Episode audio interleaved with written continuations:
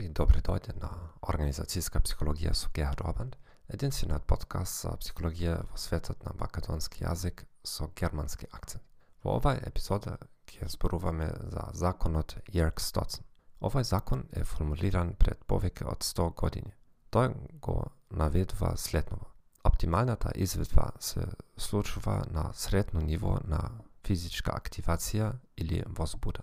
Наведено поинаку, постои кривилинеарна врска помеѓу работните перформанси и стресот. Ако вработените се премногу опуштени или премногу под стрес, нивните перформанси ќе страдат. Оптималното ниво на стрес варира меѓу вработените. На екстравертните луѓе им треба повисоко ниво на возбуда, отколку на интровертните. Ова треба да доведе до обид да се совпатнат вработените на соодветни позиции или соодветно да се редизајнира работното место. Практичен пример.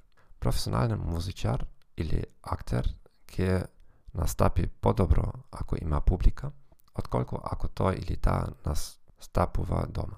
Екстравертен музичар ќе настапи најдобро на стадион, проинтровертиран музичар во мал клуб. Еве неколку фактори кои можат да влијаат на физичката активација. Присуството на другите, нивото на отчетност или контрола, звуци во позадина или музика по позадина, физичката средина, вклучувајќи осветлување и бој на зидовите. Потребата за промена на физичкото држање на телото и разновидност на работни задачи. Ви благодарам што го слушавте овој подкаст. Посакувам убав ден и с Богом.